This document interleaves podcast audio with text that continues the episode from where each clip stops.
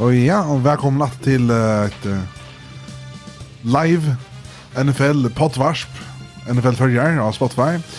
Vi sitter her i Kirkbron här en affär nere i Mubben om Torshavn.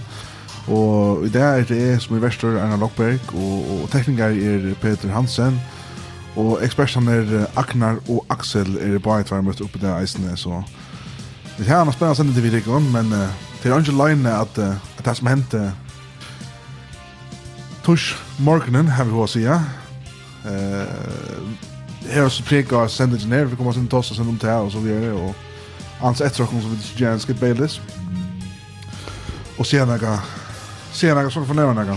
Så, men vi ser bare hva vi halta og, og, og, og hvordan vi suttet her. Og kanskje kunne kanskje komme noe noen problemer som hvordan det avvirker alt denne fell etter uh, skreien her i HC ska jag men den vann luckan faktiskt kan man gå se. Eisne. Men eh, vi börjar så vi tog in dem. Ta Jervit, Army Fairen och Dusnar och Gissa och, och, och vi har chans att mer av det sitter så är faktiskt så är faktiskt uh, schedule uh, confirma vi har chant. Tog in det hessa och då att uh, jag som ska prata till er till er det som hände som hände i och i Cincinnati, Midland Buffalo Bills och Cincinnati där var Damar Hamlin. Mm är han också snett ja eh upplevelse efter vi ska bara bli shower da? Ja, jag är för jeg jag lägger mig sove alt han 11 så sätter jag hok og tvei. För upp i sovna och leier meg i soffan som och jeg skulle ikke kona til, hun er faktisk sånn till det. Hon skulle og gjør klær kläder också, det minskade väl. Vi ser jo sexist og alt, men hon får gjøre också det. Och så blir det så så för den helvete med telefonen och hickorna nästan så vidare. Hon är ju sen drar av hålla lugga. Och är Sony så blir det liksom inte liksom blunt så Sony så vidare. Det man är ju fancy finalen med Ragnar. Eh stedet inte på det här isne. Jag vet inte inte men lugga mig. Sitt hit här så är så vaknar upp att det så lugga som att att det pausar och och akkurat hänt. Jag sa kanske två play i det snart. Så sier han, hva skjer her sin så? Det må säga bara lukka som att att det är som att lite bara den vetteln här och Oskar vill ska se där spikaren det bara commercial break. Och så kommer det åter så ser där han ligger nere här och så samma liksom som replay så replay flyer för den replay replay replay. Här är ganska fotboll i Europa men inte det ena för replay. Jag kan säga för replay att vi måste också träna kan ja. Och så vill det commercial break så kom det att ja, han dricker en och han lulesör och, och ja. Och där alltså, det vi skulle kanske göra, så var det att commercial break. Och så kom det efter så var det studiet och det var så det center och så var det att commercial break. Alltså som, Onge viska skulle gjøre. Hva er skiljen det, Visst man kan. Man visste ju jag jag nämnde ösnen. Ja, man visste ju hände och och men så så kom det med att här att att man ser reaktionerna så lika han vet man ser Josh Allen, Joe Burrow och sånt där man ser Stefan Dix ligger grädor och Alltså han fick helt inte. Det är också en flyer för när. Okej, han är där. Alltså liksom han är färden. Alltså det här är inte det som man också har redan fått en löv att det är också fullständigt färd, ja. Och man ser ju det kvitt, jag tacklar ju så här inte så är som en matchen en lock shirt här något han läggs upp att det är så jävla ställt inte adressen ja men som som har skor jag sån här så så väldigt rävliga alltså liksom ovidande en till att att det studio kom in det tror jag så där ja och ta sig om det och och så kommer det här liksom knappligt att så säger att han en spikaren. Ja så där fem minuter uppe ding så blir det snatch. Och sen var det också, okej, så det blir att nu ut vad han har för att säga av landsand vad så vidare. Så möttes vänner när här och och så klarar sig ja, det här är faktiskt ävteln att nu. Och det som man var så jävla så där löj hit efter det. är helt sett det. Jag vet inte. Gör det och så smått där bara. Och till dronken. Och bara det katastrofen som som som utvecklar sig helt undan. Så känns det erkänt Lentans. Varsågod det allt som ut och, och, och ser det skall. Mm spela som man har lovat i reglerna. reglerna. När visste man att det var hjärtastopp? Eller han fick hjärtamassage igen? Det var inte på en av det. Det var, men jag hade just att jag att han inte fick det på en av det. Det, så, det var också vet att runt och ta då han upp på öronen först för. Det tar han fick hjärtastopp. Eller, nej, nej, nej. Det tar det blir jag och där. Det har väl någon tjej just kunnat något att nio så var det väl John. Ja, det går hjärtamassage i minuter. Ja. Det är Men som är skyltet att är hukt är hukt. Ta jag det som att börja på att ta det kom till han. Ja, därför på burn att så så så blir det jag som sagt att då. att man det. Därför är det för sent. Ja, jag jag ser bara att jag hört det att eh alltså som spigaren skött då. Jag tror inte här men fyra som man säger ska hända men som är skyltet då så var det inte börja då på hjärtat man säger på det. Han han flott ju en arm och så. Ja. Och så började på hjärtat och så han löftat något där. Han bara där läs lite inte. Men jag hade det mycket att kom Det tar ikke så reale lønge her, alt det andre stod cardiac arrest, uh, til meg uh, og at ESPN er sier at, det var som ESPN sier det kanskje, men hvordan som her også, at etter som som live uppdaterar i CBS så, så, så hade det stått nog så kött att det var en cardiac arrest, alltså att det var också hjärtan som, som är gäll. Uh, och det här första som man ganska, jag var helt sjön av, jag är liksom runt ösen för Joy, och, och uh, det första som man huxar att det är så där en hit igen väl det är ofta om drar ut det lite eh och det är nog tydligt alltid att man ser replay ofta att det inte hade jag göra eh och så kan man så på båda bara så då är det när vi hit jag gör eller något helt annat som gör att att att han knappt smäller om som som Christian Eriksson står här ungen här Angen Astriana men men det är så uppenbart och Tagan Axel kanske så komma när innan han ju lagt ner. Han att det är något speciellt slä av eller något speciellt ting som händer i Jarsan Jones så något sånt sånt osannolikt ting som händer skalt i NFL öle öle öle skalt skalt om allt som du säger när att det är till hicken som faktiskt har loftat bollen som som mer som räcker Hamlin som som han tacklar han han kommer och brinkna han på en mata som man ser rymligt ofta i alla fall man kanske bara det är det blir time mission ut ja. Eh så nej då och och till nämnt det som är intressant för just ner att det viskar ju som kvart ESPN eller NFL visste hur man skulle hantera det och det tror jag att Schalt med NFL är en eller en en härlig rut att man kan så hatta om kan ju hänt för en NFL det vis ju förskar gå så sjön som Rosh Showers men att att de har det fullständigt löser. Jeg satt der først uh, dagen etter, altså jeg la jo svev til jeg skulle arbeide morgen etter, men jeg, jeg liksom ordentlig glett meg til, det heter var jo en øyelig stor dister, og vi kaller det for Orsens dyster, altså jeg glett meg nok snakk til en sånn dyster, så jeg vakner røyne liksom å finne han fram til hitje etter uh, NFL Game Pass, men han er her slik ikke, og da er liksom, hva er det, hva skjer det, hva er, hva er dysteren, og så får jeg hitje inn i YouTube, liksom etter, som highlights er det, han er helt kjære, og Så var han typ som var som bara kat cashier kan renta. Alltså så det stannar på alla strut sett. Så så så läser jag om det och så skulle man kanske inte kvad hända jag bara. Och alltså det som man ju ser, alltså det är ju väldigt speciellt på Hamadan Ja, alltså han får slä in av brinken att han ränner in och ut i Higgins. Alltså det faktiskt det är ju han det Mar Hamlin Hamlin som tacklar Higgins, men han får slä in av brinken. Det nyer reiser sig upp åter.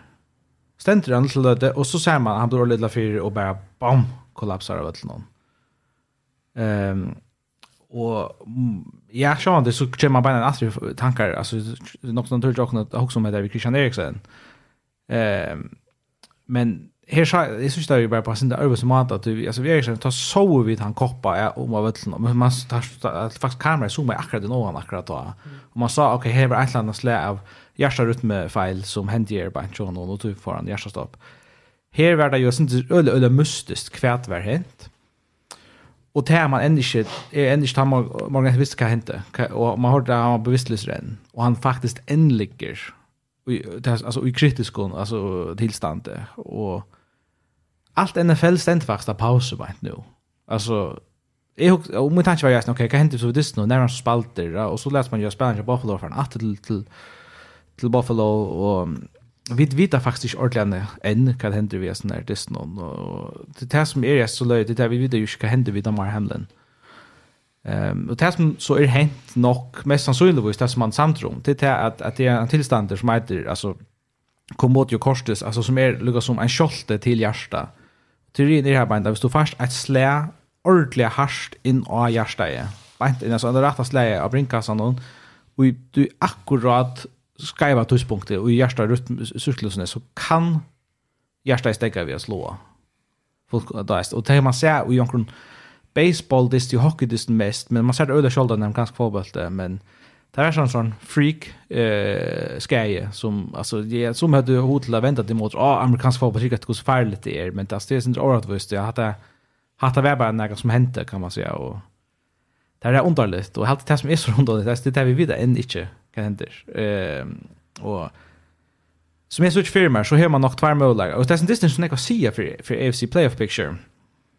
Eh men en felle utformelt ut, det er ikke bare tre vikna, ta Atlas så är Bengals och Bills och ödla om linjen för skulle spela som planlagt det är viktigt. Det har faktiskt sagt att vi har inte spalt som vanligt, men så vidare än inte om hesten distrin vill han så spalter om ena vike atter og så blir playoff utsett på en vike til här liksom en vike mittel i Super Bowl så skal vi skumpa alt playoff atter ena vike det skulle bare aldri så distan Og se distan blei spalter og så har Bills og Bengals så en dist minne kvar og så kommer det jo nega vi men så kanskje så er Bills kanskje nummer 2 sidan for Stefan siden, og La Bengals missa chansen for å att bo Bills, eller vad er det egentligen som henter, och vi vet ikke ordentlig och det är faktiskt en otrolig tropel stöv jeg har vi gjør i NFL.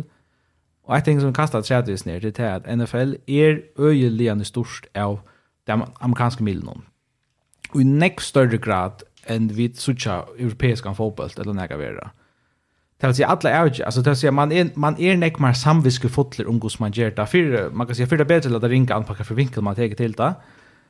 Men så vil NFL ikke ta en avgjør som kan være ring ytla seg og jeg er noen tjaffelk. Og tog er man øyla verden. Tog tror vi, for man ikke gjør det samme som vi så i, i EM her i Danmark spiller når Trumar Sætene og alt korber som vi er vanligt. Da, er altså, så, så til lykke som er det man skal minnes til at man er faktisk øyla verden vi gos man ber seg at vi er.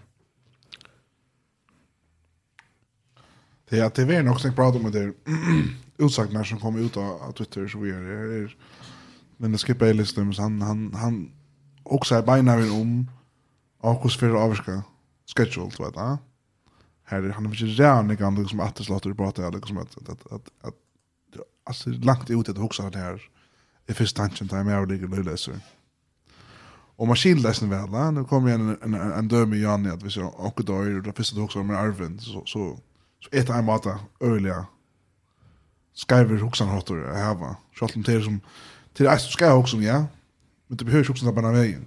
Alltså det är grieving time som man säger där, då är det, men han är inte där inne helt där. Men han är, han är rätt vi kan man gott lukka som gira sig fram till. Ja, det är också viktigt ganska att vi lukka täcka stövna för tycker som kanske inte har fyllt vid det. Alltså Damar Hamlin tar nog just det är i all NFL-läget ut för uh, lukka så tjocka klockan där. Det var, ja, när jag får jag tummar så gärna. Uh, att att han är i bättring alltså att han är stadig som uh, som Axel säger så är så är det stadig så som är kritiskt stöva uh, men det kan ju bättre och ju och i Josh Quadra om ganska då ju natt om ganska då det alltså ja förra par snackar att då så att eh och tar vant att han han viverande under det som han kallar intensive care alltså tar fortsätta vi halta öl och eller vart jag vet men men men han och tar halta öl så att det ska komma ut och göra att han antar ju sin more shoulder än han just framan mot han. Så, så det går så bätringar eh, till Adam Hamlin och är inte som en inte som över eh, bänta att det går ska vara en går för sena kommer sjukhus i Cincinnati här. Här vi hade det vikt till, till snacka sin nummer. i hade det var så att han blev inte av att någon och så blev han inte över en för att han kommer sjukhus han hjärta stäcka igen för att av en sjukhus som Och vi vet helt om det är snett flyer för när alltså. Nej, alltså för jag vet inte så är det är redan ringtäckt att han inte vaktar upp att den att han har ett er. Alltså är är väl det git bara så att lackna det utan på några månader vid en mer detaljerna än en annan i kan inte inte. Så är prognosen också vanlig. också är.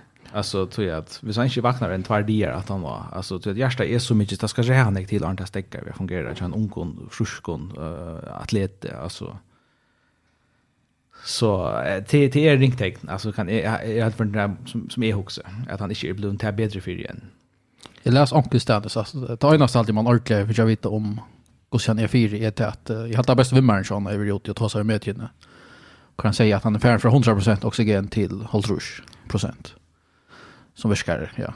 Det ganska jag öliga gå förbättring men det är det enda man har hört att titta och så nu klarar han så går sig anta sin dröm som åt han hjälp som är skiljet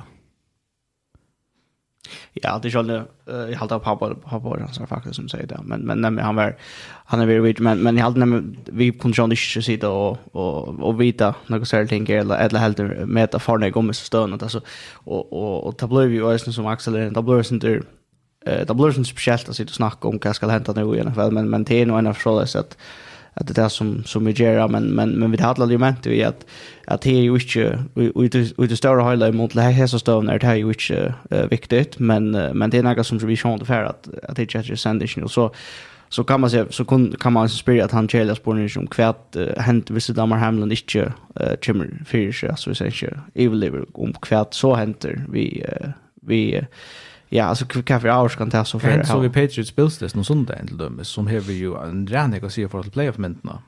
Alltså det är att Patriots ska vinna för att hålla sig in i playoffs, va? Alltså det det det, är sån snedja effekter som kommer ut. Mm.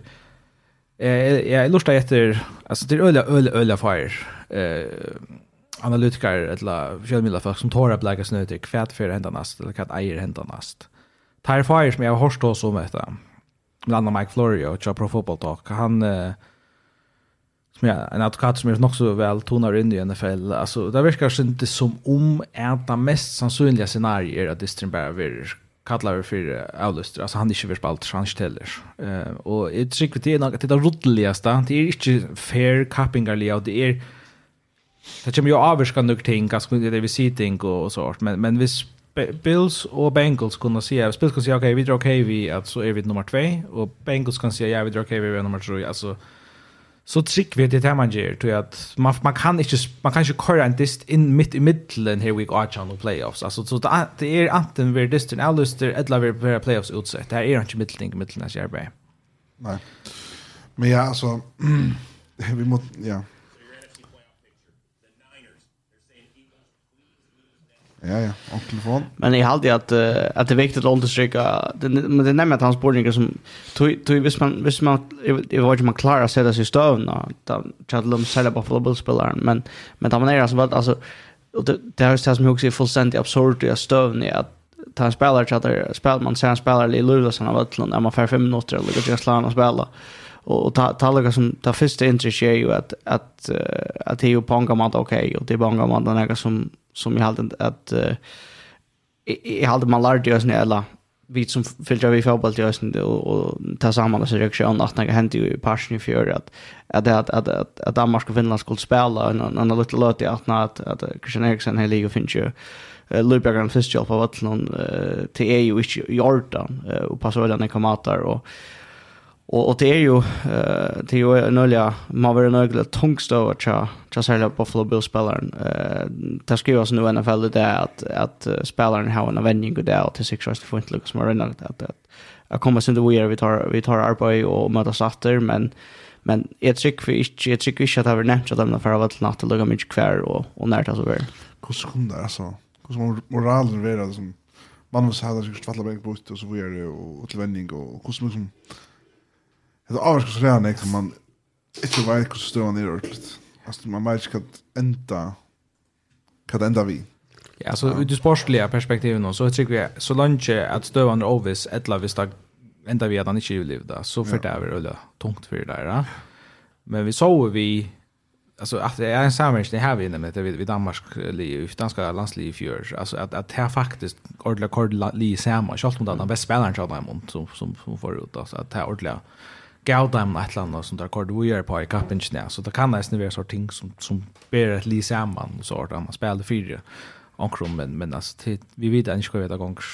Og jeg husker vi kanskje bare skulle, vet ikke om vi har maskiner, men lette det litt her og færre, så ivet der disse og som parskerer etter för nu och jag har drömt också sent mer positivt om uh, det vi shit så väl NFL om allt det där går. Ja. Jag lägger podcast var i hemmen som som inte tar som om om om om uh, hva for henta og playoff picture vi rundt hisnisten og alt det i respekt for jeg bare tog som han og så stod jeg på et varspil, jeg mot på et varspil så vi gjør det men uh, vi er føringar og vi har ikke flere millioner folk som lorset og om og vi vil gjerne ta som det det er en spennende ting som hendte utanför det enda listen här som som var tush tush morgonen. Och för jag den första listen som var det var Cowboys och Titans. Men sen städd det står det att Cowboys kom in i listen där och där hade inte där hade inte helten av där vanliga stasjon vid listen. Och där var några skier och några version or vid listen till att listen var överlands och väl. Och där kommer jag att här har det Disney men nästan med, med Jaguars så men eh Cowboys vinner 13 och och ett walkover till Cowboys hade i shower här mycket några ägare men det vi spelar då men jag tänker se om this när sånt här att Cowboys tar vinna det som så skulle vinna och är så is ner spännande striden här i Top City och i NFC ja. Ja, det som blev tanke relevanter till att Cowboys faktiskt ska kontakta nummer ett sida i, NFC och där visst, där hade det ganska inte vantat att det hade Eagles för att mot Saints eh, i vikskiften men ja, tar spelar inte en, en supergående, så det er Dak Prescott helt inte. ikke. Øyelig raskande att Titans spiller vi Joshua Dobbs, som også sånn kvitt er, altså jo, ok, det är ganska nægge vi att tar inte hava, det tar ikke hava nægge spela för det, det er winnen inn, altså här her er han ikke, her er han ikke gevinster i vinnen av distan for det der, annet enn ganske momentum, så Men där, man skulle ju också men Malik Willis nog var en quarterback man som har bruk för att ha sin Ja. av av erfaring och så så att det var fint när han spelade. Men da visste Joshua Dobbs kommer inn og spiller, så jeg vet ikke, kallar Mia Gondist, og tar sig han ska starta mot Jaguars. Nej. Så nu går lägga kväll ju. Att där är Joshua Dobbs som, som spelar och inte Malik Willis. I läst detta. Jeg halte det er ordentlig underligt så jeg vi en kurventing och enda med kappingarna. Men så kan jeg jag etter, Alltså det alltså det kollapset av Titans det nästa undervärderar hur så episkt det är. Jag har tappat sex distrar. Vi Willis. Ja, och då är det till ja, eller vad som tänner Eisen spalta, men lukka, alltså det är gott nog inte galet jag där man. Så det är rena att att bjarga eh Kappingarnon och jag vet inte om heter att man gör det bara skiftar sin quarterback ut till alla så det hade jag tror en öliga bold move. Och så det är en det som skiftar quarterbacks ut så slut här men så så förnäck man det Men Vi kan ta ett positivt för oss det snär. Alltså kan väl. Vi kommer nog att ha något om Jaguars och Titans nästa vecka. Eh Det är Dalton Schultz är efter. Han är tre destination att attor alla och, och, och han får så uh, två touchdowns i destination. Och enaste enaste som han framför nu receiving yards det var uh, Sid Lamb. Så att ordet vapen tror på Dak Prescott här uh, mot ändan någon här säger nu. Där kommer till det uh, social distance yarn någon. Alltså första playoff sen. Mm. Så. Vi får vi nästa stund. Det var uh, Buccaneers mot Panthers. Det var uh, Han är som det Tom Brady i kompani att uh, om det tappt distance så är det nog ute av playoffs på kan mata och om det vunnit distance så är det säkert clinch. Eh NFC South. Och Tom Brady som kör för Jetta och det var också att bara okej Tom Brady kastar för över 400 yards. Eh uh, Chris Evans uh, spelar en genialist och också där okej okay, nu har jag chans att vinna NFC. Ja, från från fra att ah, ta lost till att tar chans vinner NFC.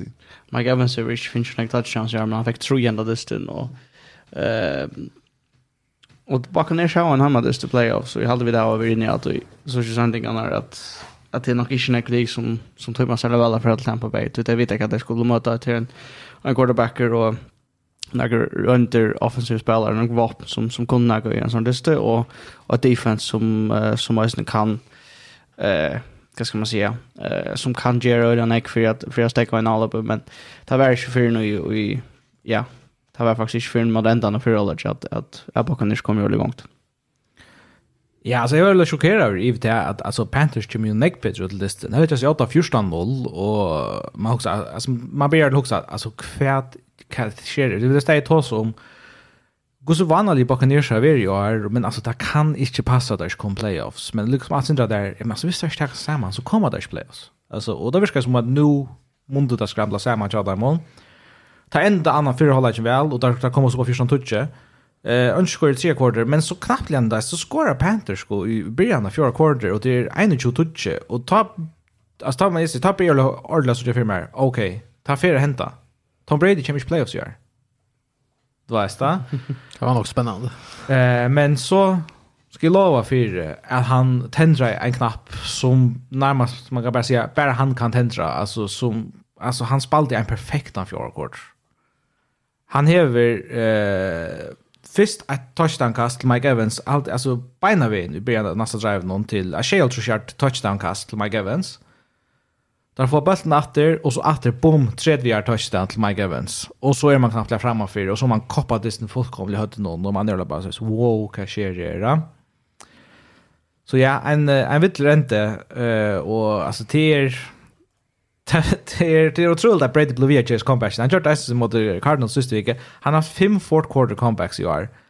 Det är så ofta att han borde vara ute, men han är inte gjort det. Och till det här ska jag säga att han bästa spelaren och i NFL närgande i en kan levera i hesen löten alltså på en så goan mata och ta jes på det här det ett så liv man bara inte vill möta i playoffs allt hade är tror att hvis det är tatter så så så vet man att Brady alltså fera Gerard alltså fera att, att Gerard under mot där som man nästan alltid gör.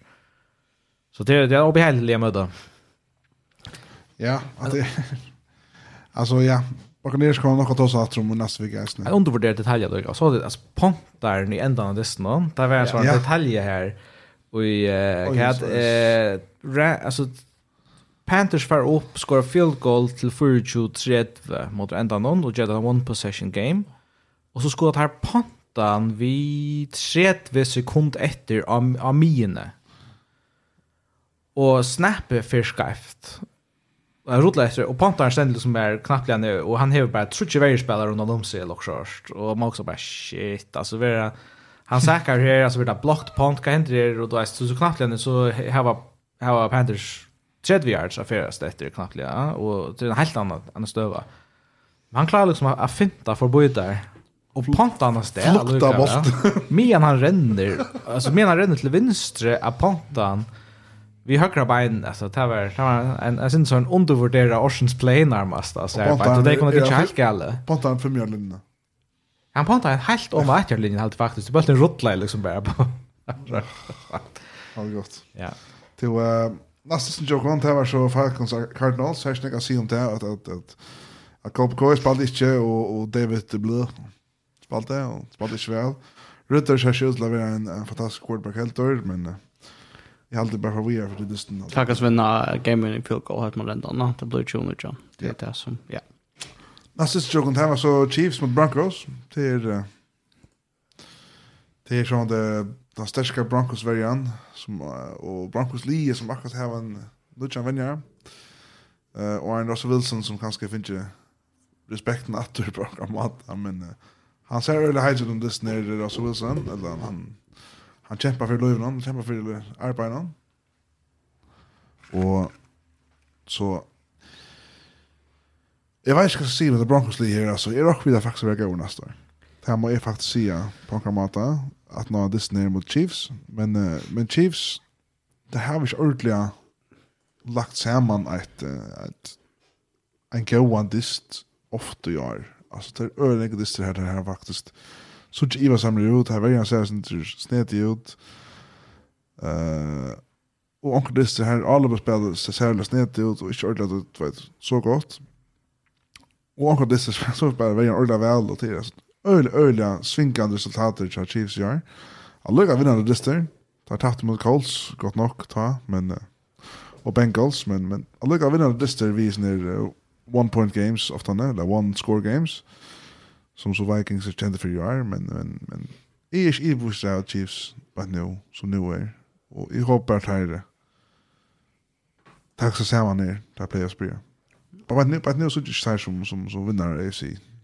Men är spelar den den det som tar vidare att skulle vinna och tar er bättre jag det men men Broncos spelar frukt och och och här kan man se motorn och spela dyst som till blöta sin data så ja det där vänjer effekten som lika bara vi är det också nice när så men men men alltså kan så är det vinna större margin till till passande det jag snäs på att med hans kassa för någon som tror aldrig kört så tror jag att han säger. Han spelade hundan till att börja vi. Alltså jag snäs att att att hundan till att börja vi och så heter jag snäs att ett, ett, ett, ett, vad det ett punt fumble return alltså punt return som där fumble till till Russell Wilson här så så fick jag touchdown för Urchibus. Men han spelar hundan till och jag huxar i början lyssna att okej. Okay, Esen här vinner inte MVP som spelar så där. Vi möter med ändan lyssna som vi säger ju alltså. Men så bjärgar han inte så när MVP är i ändan där. Så rock vi har vinner rock vi. Kan ju tro. Det rock nu. Ja. Och och det Hei, han inte spalt så väl i fourth quarter som han gjorde, så rock som vi til å være ordentlig. Jag var säkert. Det har spalt så mycket ytterligare spel igen. Stänger skadis. Ett fun fact som man kan bläcka det in. Spontant. Det är att Broncos, nej, Chiefs har vunnit 15 distrar mot Broncos i NFL. Det är rättliga vittlig statistiker. Nej, jag säger att det har vunnit kvöntist sojande 2015. Mm. Det är nog så otroligt. Och alltså, det är ju Patrick Mahomes är ju inte quarterback att det ser ut i när men ja, i stora parten av Och så är det bara Arne där, så är det Broncos mot Schaefer där mot Chiefs. Så det är bara som skek alltså. Det är Broncos mot Schaefer där och så knappt så för Chiefs ur vinna. 15 för det som är det mesta i NFL och en sån intern distal det. Ja, det är ju två som mötas tvärför kvar där. Eh men Mahomes är ju öle öle öle öle gott här. Och hinner ju sig väsligen. Ja, det har haft nekvar nu, det har vunnit också nekvar, ja. Andrew kom 2013 som kanske kan brötta på två år, och, og det korta så ett löp så jag inte men men det snär tar ska så spela ju väl och och och en annan affär score Jeremy McKinnon ett touchdown som han skorar sex sista där nu. Nog så flott. Sex sista där Jeremy McKinnon han är rock tre running backs att han. Det är så klart aller ute. Men hatt det blir det tar, alltså det tar her jo, det er ikke som man sier, ikke så stikken, det tar her jo ikke kan man si at han resiveren, eller tar bare receiver som man ordentlig eh kastat det som där har haft för. Alltså Tony spelar faktiskt en okej okay, det är som kör på mål av fjärde yards men men det är ganska starkt det som man är inte bekymrad för att det kommer in i playoffs. Till att större vapen. Ja, han fixar Tony och hoppas han kunde liksom integrera han i systemet och allt det i playoffs men så blir han skattor och så sitter långt tog i honom och kanske man kan få också på ur någon sista vikna men Juju och Walter Scantling har ju helt inte varit fantastiska alltså. Och nu tror jag att han var 8 år sedan det är när så här audio Travis Kelce i Stadrex som som är öde öde så jag stäcka och så är running backs som som som man då var kastar till. Ja, pretty much. Har problem med det här va men men på ankra mata så har man nästan där vi Lenny Speller ska bättre göra än du just Nick. Ja, så på check på check och sen kom kom rätt väl innan ligger den där. Öra väl. Han han han uh, Ortlich Ivor, så han klarade ett ett blev beskattor och han var bästa giver han beskattor och Och jag hade han kan ha större roll i Esne. Mm. Alltså kommer det göra. Nästa som Jokon, har varit en, en drama det står. Mike McDaniel, han han har aldrig problem med vi, vi toa och, och, så Peter Bridger och Eisen skatt just stussen ner. Eh Patriots vinner, tror jag, en tjoe. Aknar, stussen ner har varit öliga snet i hitchet på några matar och, och jag kan bara se det här, Patriots värjan, hon, hon, hon är realistisk. styrsk. Yeah, alltså det är hon men men tar få som vill gå om Så spela.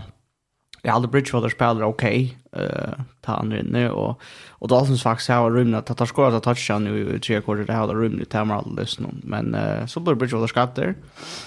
Och och så klarar Dolphins inte stäcka Patriots så att den drar en Meyer skott att chans och så blev det ett uh, fullständigt horror show med den där Dolphins ska röna att jag kommer in att distan och Skylar Thompson så här i Schultzman som en NFL quarterback på den måten. Och det som är ganska fullt syndra att det är där Jag vet att Patriots run defense är rätt gott, men att de inte prövar denna bollen som de har i jogging distan. Uh, Ryan Moses har spalt väl och så är snart Robert Jeffelson att det tar konto.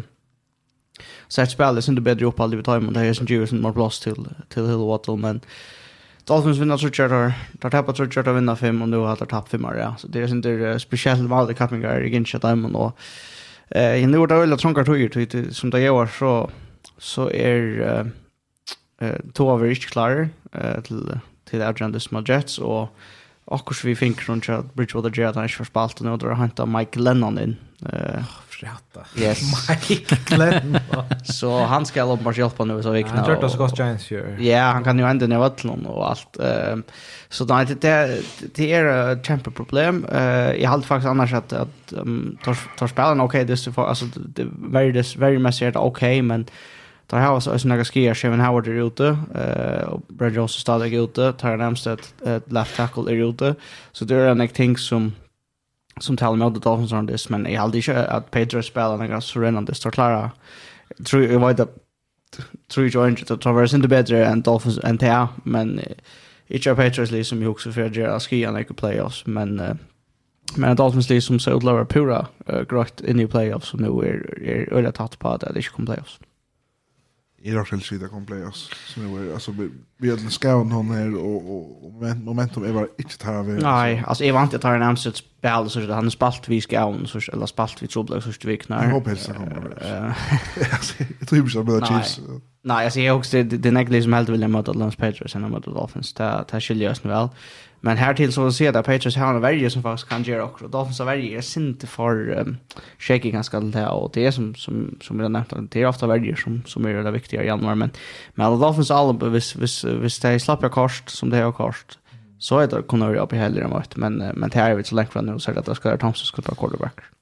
Det är inte att komma i playoffs som man tar fem distrar. Ja. Särskilt i sidan av en gapen grejer. så vi tar som Titans som tar sex ja. Så det Så är man et eller annet sted playoffs. Um, men uh, det är rättliga synd i Teddy Bridgewater at han skatt, alltså han spalt trutja Dister i år.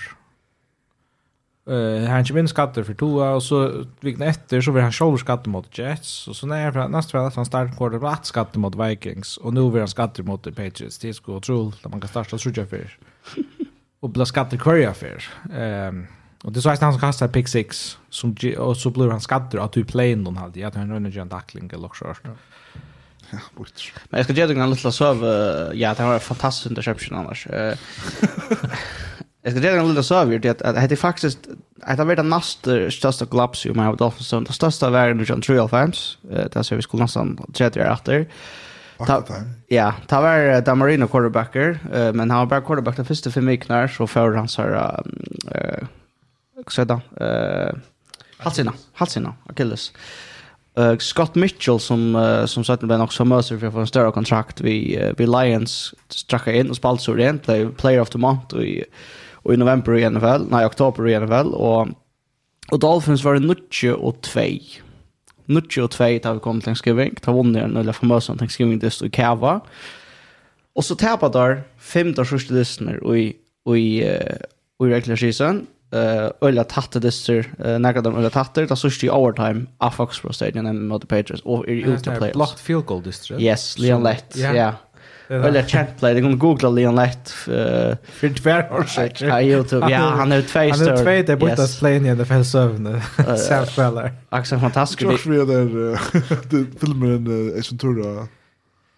Ja, det var det var ju men men men men Googla lite lätt till han var faktiskt en öle go very spelare till Dallas Cowboys vi tar en större arm men men det är för han mest känd för två öliga. Ja, tvärt han pro bowler alltså han go spelare Ja, så det bara vet vi då man split ingen dirty så att en Super Bowl ja det är han har rör bollen till en skall och så. Alltså vinner ju på att det är så på att Men det som händer, det är att Dolphins faktiskt var från 22 till 23 och, och det är inte nog att komma playoffs där. Och Det som så hände faktiskt ösen tar lyckas med nu till ta att uh, första quarterbacken skatter och så blir det ner ska mycket skatter och Doug Peterson tar över där första snar eh som är nu mest känd för över eh vänner och ta commission playoffs. Så och var den uh, större Don Shula vänner så att det är spelar jag McDaniel Daniel en Orland vad heter kan hända tja känna jag till varje och löjen ting kunde hända i NFL men vi det varje vi har fått ett flashback att till jag. Ja, det är en roll kanske som Miami Dolphins. Vi tror som där Brian en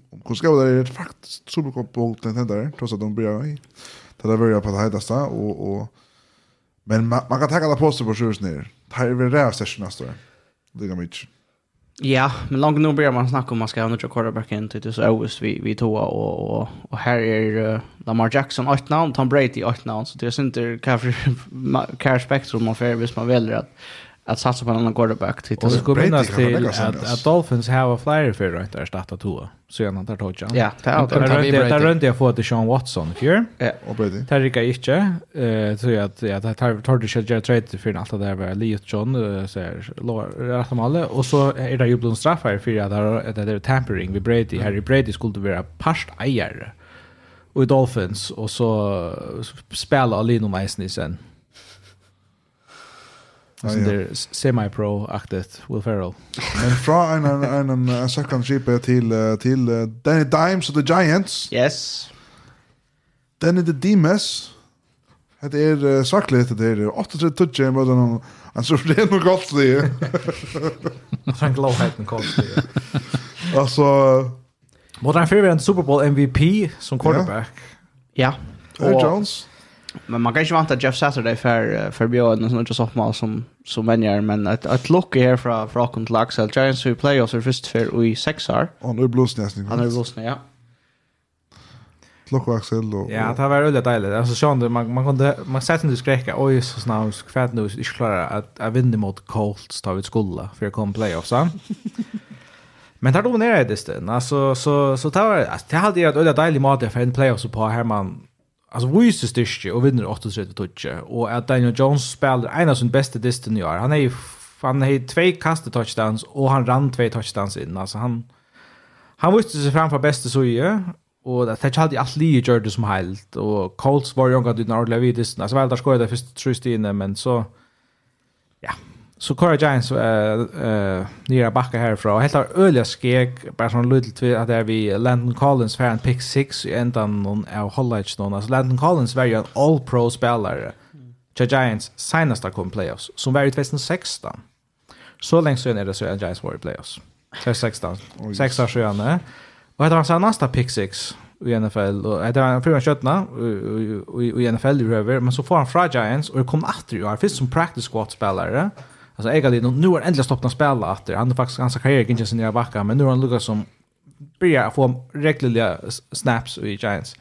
Senast att pick 6 han hej, ta ta var ett land i London och sa han gärna, return mot Rams. Så helt bara sånt så stått lite för att du kappingar är någon. Ehm men jag jag jag hittar hukt efter ett Giants så gärna 2000 och tjej Kappengard. Alltså jag hukte sen den Super Bowl Kappengard att Hyper halda vid Giants Så man täckt det Arvek. 2008 så var det i playoffs för ut det första dess tar de nummer 1 sitt. Annars så hade det bara vi playoffs 2011 till så har det vunnit Super Bowl och 2016. Så det är faktiskt bara fjärde för när det så Giants var i playoffs. Och det är speciellt något snägg var. Men två Super Bowl så låg allt är. Ja. Det är mer det flesta kunde repa att det men Giants. Ja, alltså det ser ut till att de möter Vikings.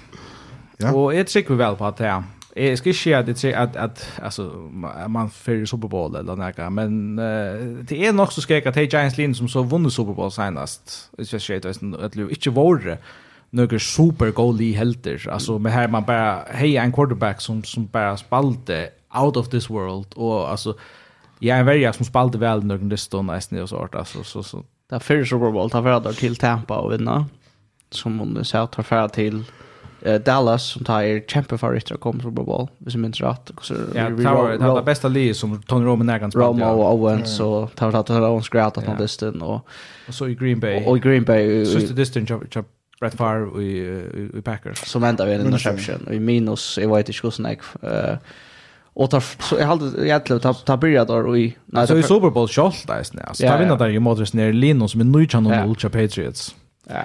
Allt sakligt alltså. Så det har något sånt. Och ja, 2011 tar vinna ta för Lambo och vinna mot Packers Lee som är 15 och 1. Det bästa Lee som är Rodgers när han spelade ja.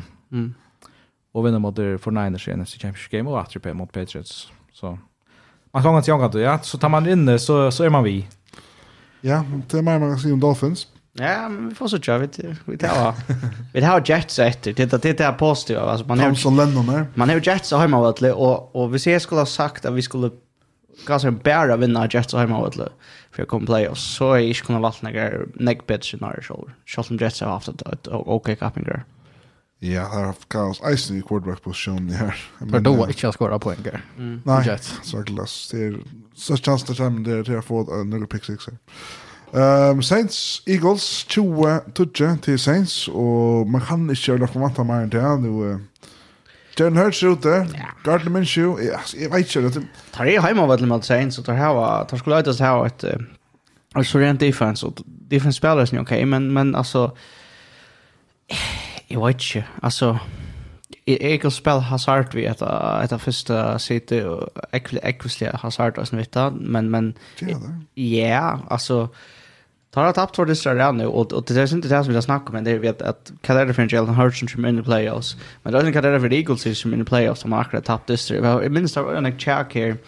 Det är här men men men för några år sedan där Bay Colts och Saints var osäkra att det kom till vecka 15 och Bay Berlin hade vunnit 13 14 dyster och så började det spärra spelare och Bay Berlin ända vi för ut i första rundan i playoffs. Alltså här där vi attacka Luke attacka attacka Sindra Fairness, det är Fairness ner, Gira Lusen ner tar man kommer in i playoffs så är man i playoffs så var man nöjd till att tracka och Eagles så har haft en ställning så kom det Super Bowl där. Eh nej det var det var 17 efter. Eh är rätt eller 2 år 17 ja. Ja. Att det det faller vi att ta momentum väck från lägaren så spela vinna vinna vinna och steg jag vet stoppa lugga av hela pausen. Men next gear allin. Jeg skriver, ikke oss Altså, Lane Johnson er sin ute, tar sin left tackle, der han kan skrive i verden. Det har han kan chansen nå, altså. Og så ser han det der vi Jalen Hurts, som vi, altså, vi har vidt ta oss om det til tøyner, og det virker seg ikke ut til at Jalen Hurts fyrer spiller helt til, i vikskift noen. Jeg hadde Eagles eie vinner mot Saints, og heimabana, helt ærligt, for jeg klinsjer sitt nummer 1 sid. Selv om at Gardner Minshew er ikke en verre quarterback enn Andy Dalton, eller Taysom Hill. Altså, det er han ikke, men han spalte verre. Det er så helt sikkert. Så ja. Tær må være sindre panikken. Jeg er etter sånn at så halda fast i at han nummer ett side. Men hvis Jalen Hurts ikke spiller nu, og man så først skal spille etter om, så er det at de trutja viker, så, så fyrir det ganga i en måned i middelen han skal spille dyster, og han knapplega skal spille som favoritter nummer ett side av heimabana, og han spalt i en fem viker spalt amerikanska våpelt. Ja, jeg skulle være nummer ett side. Da skulle vinna for å være nummer ett. Det er så Det som er tricky er bare en vis nere. Det er spil som mot Giants av heimabana, men det er Giants han ikke spiller for. Giants er locked in til å være nummer 6 seed, sier. Og det høres du i New York at Giants alle er spela av sin starstaren, og det er alltid en diskusjon, og altså, vi kommer til å som heter Gissa om alle det, altså, og, og Buccaneers eisen, skal du bruke din starstare, eller skal du kvila der? Jeg vil si at det er ganske blanding av bavon. Altså, du Giants skal ikke lade seg hva Barkley spela. Det er, du, skal, du skal slett ikke hava noe til noen, just det, noen, i min mening. Men Daniel Jones må gjerne spela. Mm. Altså, du veist, uh, men att det smakar så synd det att så då då nu snappar jag egentligen att nu snappar jag också om om Giants och så för att det här tvärförna för clincha playoff spots jag bara det tvisten tjej ta ta ta spalt där mot 15-0 Patriots linjen. Ja. Och spaltet faktiskt han tattas av Disney Patriots där där spaltet totalt upp till Patriots då. Runt jag vinner han Disney kort all in. Där tappade akkurat så just Eh och möttes att tro på men så så var det i 2016 senast var playoffs. Så hade det här det samma scenario att här hade clincha och skulle spela mot Washington eh vi Kirk Cousins som quarterback då. Och där skulle vinna för att få att sista wildcard spotet. Och Giants får till Washington och vunnit mot dem. Charlton där chatta spela för det. Fyra är lätta för divisionsrivalen. Bara så att det hävnar jag att säga att här man man nog ser sen för sig att det är skeg att spela. Alltså jag vill spoiler. Ja. Och och och jag var jag var som det så GD Axel sa att det är America's game det är som NFL films Jera för från Super Bowl vinnare. Och här ser Tom Tom Coughlin, han den där vänner till Giants nämligen eh ta ut fast om man listen mot Patriots. Det var nästa snack om att om de skulle kvilla listje. Alltså ska jag för ut och fortälja om det ena är snack om mina spelare om till att vinna. Jag allt kappingar till den som vill arbetar om. Ska jag för ut och fortälja dem att det inte betyder något knappt. Ja. Det stämmer hans mindset kan man säga till det. Så tar spaltet han player distance faktiskt som en playoff distance nästan. Det kan nästan vinna av Eagles för Niners Cowboys vinna och så ändrar Eagles att trea sidan, ja. Yeah. Eagles händer femta sida, hvis, uh, ja. hvis tar tappa... Uh, femta sida, ja. Hvis Cowboys vinner. Så er det knappt ute av... Uh, ja, altså så er det det, og, og måneden av nummer ett sid.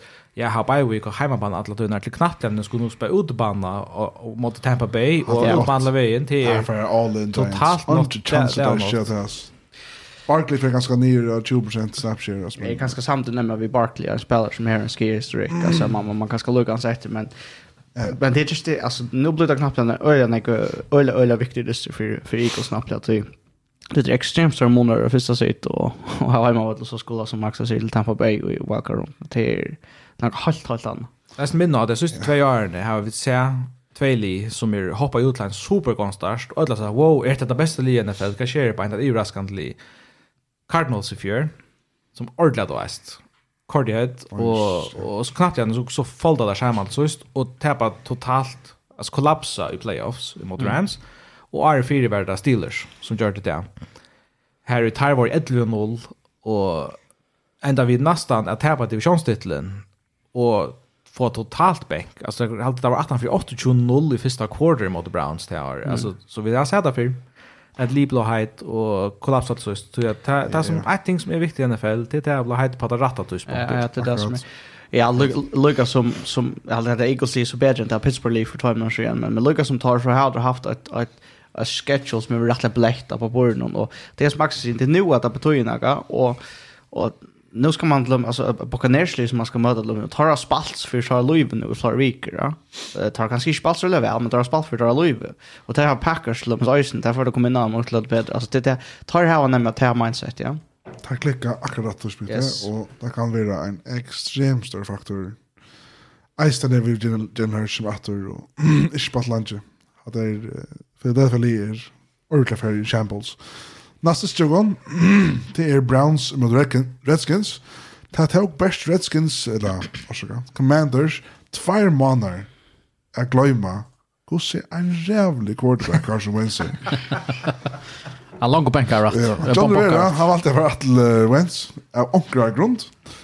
Slihat ju ju dock så rätt. Och vi kunde bara gång ut för han är ankrar hans här ärgena. Uh, øyla landje til at han tar på dysten, og utan han vet efter så er det ute av playoffs. Han vet vita for en journalist, er vet det? Ja.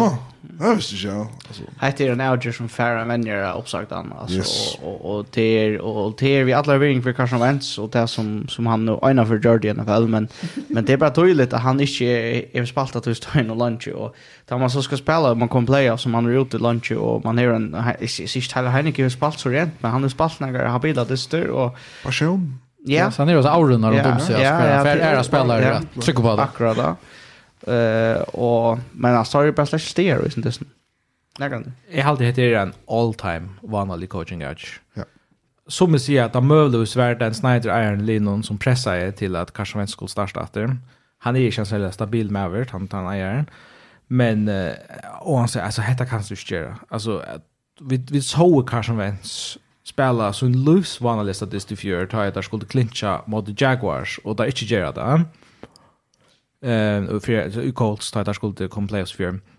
Och så tar man tar då här en sån här must win this mot Browns och hemmabana att alltså vi skilte det står och ta blev upp att man tar blir alltså kanske vänts till true true interceptions alltså och är 16 och 28 för 103 för yards alltså han spelar han spelar förfärligt. Ja. Och jag syns man hickar efter ett ett statistik något att hemma alltså Tar bara ett var Darst 8 dyster parst hade jag. Alltså Carson Wentz har tappt 6 dyster och Taylor Heineke har vunnit 5 och en i anlägg. Mm. Alltså och bara tappt uh, uh, Ja, så det, det är något helt annat. Alltså där spelar Nick bättre vid Heineke. Och Heineke ja, reiste bättre stats. Det det hade jag inte ordet. Där spelar bättre vi honom. Han spelar kanske inte bättre än Nick bättre kanske. Ja, lyssnar bättre, ja. Men Lee spelar bättre. Väljarna bättre. Spelar man uppsätter han är mer också att mindre pressure av quarterback till Heineken. Kanske det är bättre, jag vet inte. Att det bara att, att det är jävligt och och är så vanligt att jag bara för weird och då så Browns helst. Alltså nästa nu var man ska hända John Watson men men hvis Browns Ger det som Browns har gjort så första veckan och utan att vara prangande så kan det vara rätt spännande. Alltså yeah också vi vi tar run alltså vi Nick Chop och tar linje och tar alltså People's Jones och är som flyttar så vi sin joke och klarar alltid sin skia för jag ser man knappt en alp som får inte och, och välja vi vi Masquerade kompani är ju rätt stabil så så att att att Brownsley som som jag hade inte man ska undervärdera för en det tar mig bara för sent då kommer igång. Jag tänker som jag hade luggat men vi visst Brownsley någon till att är är börjar i själva något år men lite sin bekymra för Deshaun Watson. Att eh han är inte den samma spelaren som jag sa spelar för tränare sen i NFL. Ehm och så kan man komma med skildring och ja man är vecka två år och Utah istället men det är större vecka kan skier. Och han är över han är väl vant där just han kunde vänja alltid från vecka 5 6 6 lockshot. Ja. Ja, jag kunde vänja Okej, facilities så. Okej, det är något annat. Men alltså så i hesen distan så ändla så jag vet. att Lloyd Center a glip don från att John Watson som spelar. Han tror touchdowns distan men han är han är nog då att han kastar. Där brukar han ölla lite. Eh och det är sån low key eh spekli server till att vi tar tossa sån egen Russell Wilson alltså kontrakterna. Alltså hon är peanuts i mot kontrakterna till John Watson det finns. Det Sean Watsons kontrakt är på 5 år 230 miljoner. Hon är full out garanterad. Alltså där skulle ha det Sean Watson i 5 år. Och så vi glömma att det Cordy Baker Mayfield är väck och går och kan tvela tre first round picks för att få det Sean Watson. Ja. Det är skallrika. Alltså, och nästa år här han har capit på 5,5 miljoner dollar. Så det är inte liv för att köpa för bättre i offseason. Så, men det, så det är Sean Watson ska spela bättre. Så, det är ja, att han, är, han är slett i skärpa som Russell Wilson är i nivån. Alltså det är näkt bättre. Men det Sean Watson ska vara alltså vi ska Mahomes Josh Allen i vånon för för akkurat. Men det som hooks är bara nu tar vi när han är inne. Nu ser man och går så kvui eller kvart i månaden i NFL en quarterback som är vi alla är vering åter en Jacoby Brissett och en Deshaun Watson. Det skall inte Deshaun Watson som som är tydlig inte ut rutten som han är och så spelar han bara bättre eh, och kan sin demora och ger sin demora till Ali än till dem som Jacob Brissett gör. Och vissa han kan för det första visst han inte för fångsel eh, till så stadigt eh, lite under up in the air eh, men hvis han, visst han är verande eller hvis han klarar att, att lita sig stöje så kan det faktiskt Ali som det är helt just som Texans linje och som han hej alltså ja han hejar ju i Andrew Hopkins men han var inte så jävla än jag var annan rundan om han att han linjen eh som är eller sälja alla som är sälja väl när varje norska som är så hamnat väl fungerande och i några portioner han ser att det är men och då nu nu tror man säger att Quill Browns har kunnat valta kassa moral och hött och allt annat och och och brukt såna pengar på att det är en spelare som kan vinna fotbollsdyster och eh ta tycker jag att har sagt hans vara att att liksom kapas väl vid en player of nästa där där också vi Ja, alltså jag helt på det som på Bill nästa år då som Sean Watson och Kusan för att kan kapka det. Nu är det allt office sen och vänner kan ju Leon om han har spelat så så vi är det. Kan ju ut för att att han har brukt besett och just den preseason och till definiera play liksom playbook och allt det. Och om spelaren häver så vi är det och så kommer Dawson bara knappt nytta. Kan ju ut för att det. Ja, men det har det var nog så samtidigt när att han inte kan switcha playbook längre så där guys. Men jag hörde att Arvaldo precis tog ju att han luktes nog sån där. Alltså spelmässigt ganska kört atletiskt men spelmässigt jag luktes han nog sån där Watson så då kom då lättare transfer han in och i. Mhm. Vi playbook nu och det som där har ha vant allt där. Ja, men det det är ett projekt som där satsar på nästa år i år så. Så vi bara börjar ta. Nästa stjärn han är snäckat oss om till The Jaguars, eller Jaguars som uh, Agnar säger. Ah Agnar också. Det är bedaspet. Mm. Ima Texans, man skulle tro att här får jag bruka några reservaläggare till histisen här. Lyga som Titans, inte säga. Men tar välja tar rätta vägen och halda momentum och så yes. Lawrence Ötlund och spela vid Ötlund. Och tar brukar ju reservarna för fjärde quarter, där det är så långt framför. Det är det är det är det Ja, det är det rätta i hette da backar kjør at det er. Jeg selger nu tatt av er så lenge framme for tvervig graden, åter av en bye week, da spiller kanskje ikke tvervig viker nekker dem, og så er det bare, det er så kjekk at det tar møtt opp, vinner kanskje den første distan, eller så, og så talsøker. Ja, er present. Jeg er alt, jeg er alt at gjøre. Det er noe som heter vi, Sekoma Barkley, så vi er det som, som er skia liksom. som, time show sjående, Vi har bruk for rest, så gjør det. Men her som er fullt fitte, så vi er det, blir ikke spørret her kortar ut faller som uh, Sintra och hittar behind them och så vidare. Och så kanske ändan kan spela här också. Kanske kan hålla like han på konsisten där. Han spelar week in week out vad där och så bara knappt släppa paus. Ja, var det ikke nemlig ui ut uh, var det ta at, uh, nu snakker om Packers Packers var det ikke ta Matt Flynn Flint en av listen, uh, ta tar Aaron Rodgers på Sparter det er minnes her, som minns som vanvittigt det är så här nästan för nästan 500 yards eller 440 yards og 6 touchdowns tatt av om av Detroit Lions og en shootout. Og han fikk en, en kontrakt vid Seattle Seahawks som är av uh, nesten 1000 miljoner garantera och över 20,5 bare på tandisten. Uh, og så ändade vi det för Brooker Wilson sen för Seattle Seahawks. Uh, och det enda vi Packers, uh, tar Rodgers och minnet att det hade med Giants. Ja, det Det var ju uh, förväntat han skulle vara franchise quarterback till Seahawks. Mm. Så Russell Wilson blev ju bara draftad som tre runt Det Det är ju en sån backup quarterback som yes. man kanske hoppar på. Men de flesta gånger inte illa. Men han totalt om det långt från preseason där och, och tog starting job ena vägen.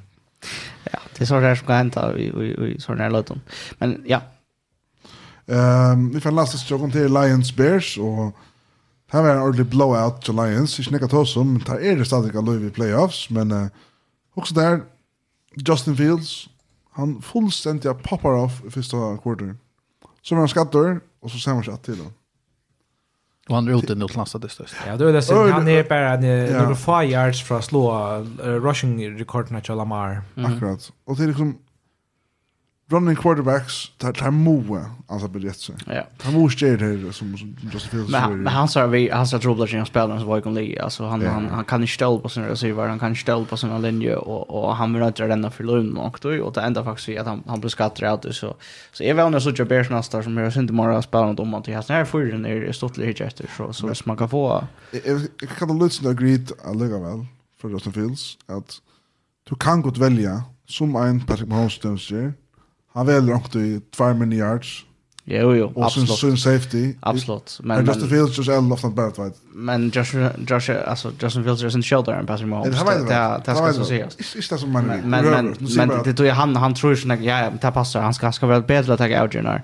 Eh och sen kanske ångte kasta kasta kasta bollen veck kanske. Det det är helt sjukt ska jag ångte. Han är en super god räddare quarterback men han han manglar ölen i kastspel. Ja. Och och är är alltså är vill säga att man ska slett inte köra veck från det för då är det rädda att det är absolut att att virus mycket tänker ha Men quarterbacken i fält ska kunna kasta bollen i jaunan. Eisne, för att att vara successfull eller för att vi ska vinna.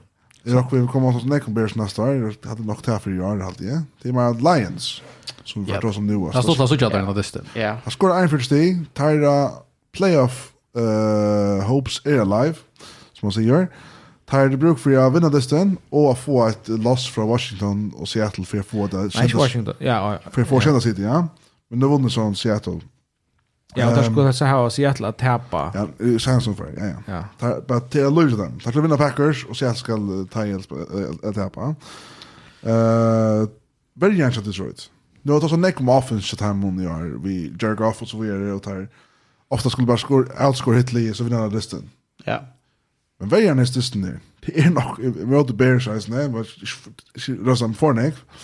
Men Aiden Hutchinson så han sa lukka som interception där. Yes. Ja.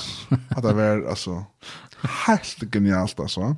Men, men det som kan bekymra mig under Lions det är att de kan ha såna dyster och det här var en spelare det väl så hade dyster och låta en, en, en fjördstina och sådant. Så det har varit ett roblodge hvis de kom playoffs och hvis de kom playoffs så möter de en nästa sit nu när någon annan gör det. Fortnite eller eller eller Ja, så kommer de inte långt än det men jag tycker så att det ska få näck till. Vi kan först snacka ganska det jocken där vi kommer till Green Bay Distant och Seattle Distant men men det ska alltså inte få till för Lions kom playoffs så Sista vecka så tar vi om eller jag vet inte klar men tar som Pro Bowl snubs. Queer queer det som borde vi Pro Bowl som inte borde eller queer kom inte vi Pro Bowl som borde vi och jag hade Jared Goff borde att vi Pro Bowl. Ja, han är vi så god. Han är väl bättre än Gino Smith. Eh Ja. Ja. Och han är efter han fortsätter faktiskt bara. Alltså han är tre touchdowns, 25 mål, så yards, just det någon. Mm han spalt virkelig vel. altså, överraskande nog, det är helt hans kreativa pura färden. Uh, alltså, att här, han bara var en sån utgångsfigur i Detroit, alltså, inte till man var i position till att drafta någon annan spelare, men han, kommer, alltså, han spalt ordentligt väl. Så ska man inte glömma att han har alltså varit Super Bowl för alltså det är en en av de mest erfarna quarterbacks som var i NFC playoffs så visst vi kommer här till. Ja, han ska lyckas spela mot Roger Shore. Nej, tack. Ja ja, alltså visst han kommer här till. ja ja. Um, uh, Chargers, la, Rams, Chargers vinner 1-2. Jeg kommer i hos i om Disney til at uh, Eckler spiller en fantastisk dist. Plikt sier. Ja, uh, men uh, Chargers sier, Det hjelp av Lions nok snakker vi. Om tar pick, uh, first round pick neste år. Og gjør, mm. altså, vi tror jo en draft pick. Ja, sånn det, ja, sånn det, ja. Dette Rams til nye her, og, og Lions får faktisk øyelig høyt first round pick. Ja. Så så till det som jag vill säga. Så tycker jag att Stafford Jones. Så schalt om Seahawks för att vinna och Lions inte kan playa så att det är sort of ganska okej för då till att Rams för det långt ner. Ja. Ja. Akkurat. Hvis vi ser til vinner nå, så kunne Rams kunne du få et top 6-pick, eller så? Top 4? Ja, jeg har ikke det, jeg har den bare men ja. Det er hos Ivan, det er faktisk. Og Chargers kommer være oppe bli heilig om at det playoffs, det Det skulle jeg ikke, ikke leie meg. Annars er Bears enda i contention for nummer 1 overall, sier pick draft nå. Det er det som det er. Hvis yeah. Texans vinner neste uke. Helt det, ja. Mot Colts. Uh, Onkur skal vinna på bästa. Det är öjliga god chans för det. Det är lite för att tänka. Skor gav Det är öjliga god chans för det händer. Och Vikings fär helt sista vinna mot Bears. Så... Ja, vad är det? Just Phil skatter skatta så. Men det är skräckt alltså där kommer en super quarterback i draften någon som heter Bryce Young från Alabama och tack Därför är det en quarterback tycker vi är Bears. Så där kunde ordla trade efter och få alltså vi tar så ordla alltså RG3 aktigt eh Det var inte picka helt alltså. Därför är en quarterback. Nej, det var trade efter. Ja ja, då kunde vi Raiders Special League alltså. här är glad som faktiskt med på quarterback. Helt säkert. Ja, ganska känn ja. Jo jo, hade är hade är faktiskt det här. Det är Kim Allen. Han rattar Mike Williams fantastiskt för han att Chargers Chargers var faktiskt öla farligt playoff lite. Där får momentum nu ända någon Justin Herbert spelar väl, Eckler spelar väl, Ken Allen, Mike Williams, Jefferson Rattor. Så extremt farligt. Det kan vara öra farligt. Och inte för att som mannen Joe Bosa. Ja, för sure. Så ja. Chargers tar ut från oss som nästa vecka sen. Eh nästa jogon till här en till om det här otroliga Raiders lie. Tar bench där Karl, har inte. Og altså Raiders har flere ferner i størsten der chansen for at slå for Niners av seg tronen Det har haft en sånn allmektige tronen i Brock Purdy og, spalt vel og next sier at det er sterkast at li i NFL løtene. Kjoltar heven til uh, Mr. Rødland og Lino. Raiders har færre helt i overtime for Niners. 23-4 vinner 49ers i Raiders. Og Brock Purdy är en anbiten i NFL. Ja, alltså en, en little, alltså det här, onkel vill kanske sett fokus på hur väl George Stidham spalte, och just det någon.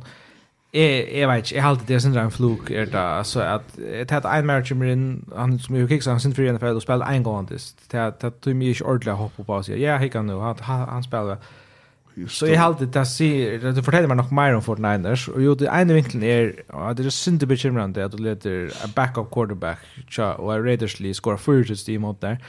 Men är rock nu stadigt vi att Fortniners hever, om inte det bästa världen i NFL, så öl jag tatt på. Oh my god. Att är stående på hans värjorna, tja, där, och tja, som heter inte en god dyster. Tog är rävligande uppmuntrar i att Brock Purdy vinner en dyster på henne Ja. Här han ska göra några några outjande ting som inte han alla allt rosa till är ärlägare. Utan så Han gör John justice nu. Det är han gjorde. Ja, så han har touchdown drive i ja. sista ända fjärde quarter och i overtime. Alltså och det är det är en erfaring man vill gärna ge så, så det hittar ju som blowout det här tar bara dominera vi honom åtta. Till akkurat det bästa du kan hoppa på att ge Brock Purdy Iron då första spel playoffs. Det han har så runt av att att att göra det outgörande till sista. Att det är en god vändning tror Alltså, och det är viktigt att ha vapen. Alltså McCaffrey, alltså hans average ligger extremt högt. Alltså han ränner runt 20 yards. Uh, just på Brandon John Carries. Och eh hade han loftat att 2,5 yards alltså han han han är uppe i 200 yards all purpose Ayuk 100 yards och touchdown ja, ja, ja, och Kittle har tagit alltså Men vapnen vapnen i area och och den ser bara att det är så viktigt för Niners att få kan man se att höra alla bara köra väl ösning och sånt just andra för in i playoffs. Brock Purdy är en file list nu. Ja, ta han kan. Han är suverän. Ja, han spelar väl. Ja. Han spelar han just file men en file det var vanligt ett pick men alltså. Mm. Marin brukar en vapen just rest. Mm. Det som han han finner Brent Ayuk, han finner George Kittle. Det kan man se om det är alla quarterbacks. Ofta när här får double coverage och så vidare. Man finner det lugga väl. Hvis dere kan få det på Samuel, klarer han efter. Ja, så blir det knappt extremt för alltså. Här så gör Omar Caffrey alltså. Ja ja ja och men men varje man spelar alltså nu säger jag det här är en exempel går men de måste spela bättre. Jag vet inte om de kommer mot en receiver i playoffs som är lugga går som som det var inte Adams men det kanske lugga att de spela mot Eagles att de kommer ha två två rullor starka receiver att att hantera sen men nej alltså ganska en en en eller underlande en eller underlande lister och jag har ju sen för för Niners som min favorit i NFC stadigt. Ja, eh är det på andra så jag Raiders för Jerry nu i offseason så gör det att det kommer playoffs. Ehm och Eisen till a queer quarterback ända där eller vad det Jeff Stinem. Det tycker vi. Det är vi simpelt inte bara. Ja, Eisen spännande vi 49ers så vi Brock Purdy. Visst nu att han vet lars sig öde väl playoffs nu. Nu där det här var tar på quarterbacks som är skatter. att han fyrer. Nästa tjogon till er så Seahawks i motor Jets och det är bara en, en rollover till Seahawks, 3-6. Uh, Seahawks är nummer 6 hit. Men löj nok Sjalt där vinna av Rams så är det skickligare i playoffs. Det är rätt snedigt och men det är vis ner att, att, att, att Green Bay vinner. Mm -hmm. Så får där det uh, conference, uh, nej, division, conference vinner och så. Jag har där. Seahawks. Jeg skilte ikke ordentlig at jeg leste fyrstvinna, men så har vi kanalet vi er jo. Det er jo mening. Det er at jeg har vunnet mot Flore Leon i NFC, ikke det?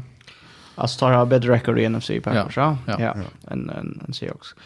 Ja, och uh, Seahawks är en som bara på en, ganska särskilt på en eller och början, alltså tar, tar få ett gott, kan Walker ha längt run och tar få ett touchdown på vägen och tar få en interception, tar få ett touchdown drive och så Uh, som som Peter alltså Jets tar tar house och bloggar vi har skorat det alltså det det Charles vi alltså Mike White där hur spalt neck bättre än än uh, än Zach Wilson men han får helt inte köra inte från just när det någon och så så nej en en jag tycker sig och ser också som vi inte har sett det bästa och än ser det ut som men det bästa spårning om om Chino Smith klarar att spela en en en så god stoj uh, nästa här i season tomorrow.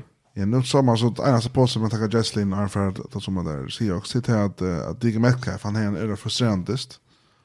Han spelade mot uh, en cornerback, så Skartner som, som hen i ilomannen. Ja, fantastiskt. Det ser man inte alltid. Kjallt om det var deras näst bästa performance av en cornerback dessa veckorna. Jag vill komma in en annan om man löter. Men ja. Seahawks, alltså, visst att de kommer playoffs. Se att, att, att Lions vinner och Seahawks vinner mot Rams. Hela den här gärna Alltså det som är halt är alltid är fascinerande ting. Jag ska säga det är sort ju gott ting bara men men det tar man helt eller störst run game.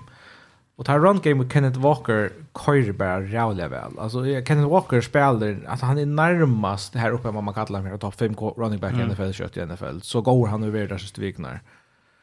Ehm men alltså det är sånt där här Gino Smith men här är ungen dominerande i NFC.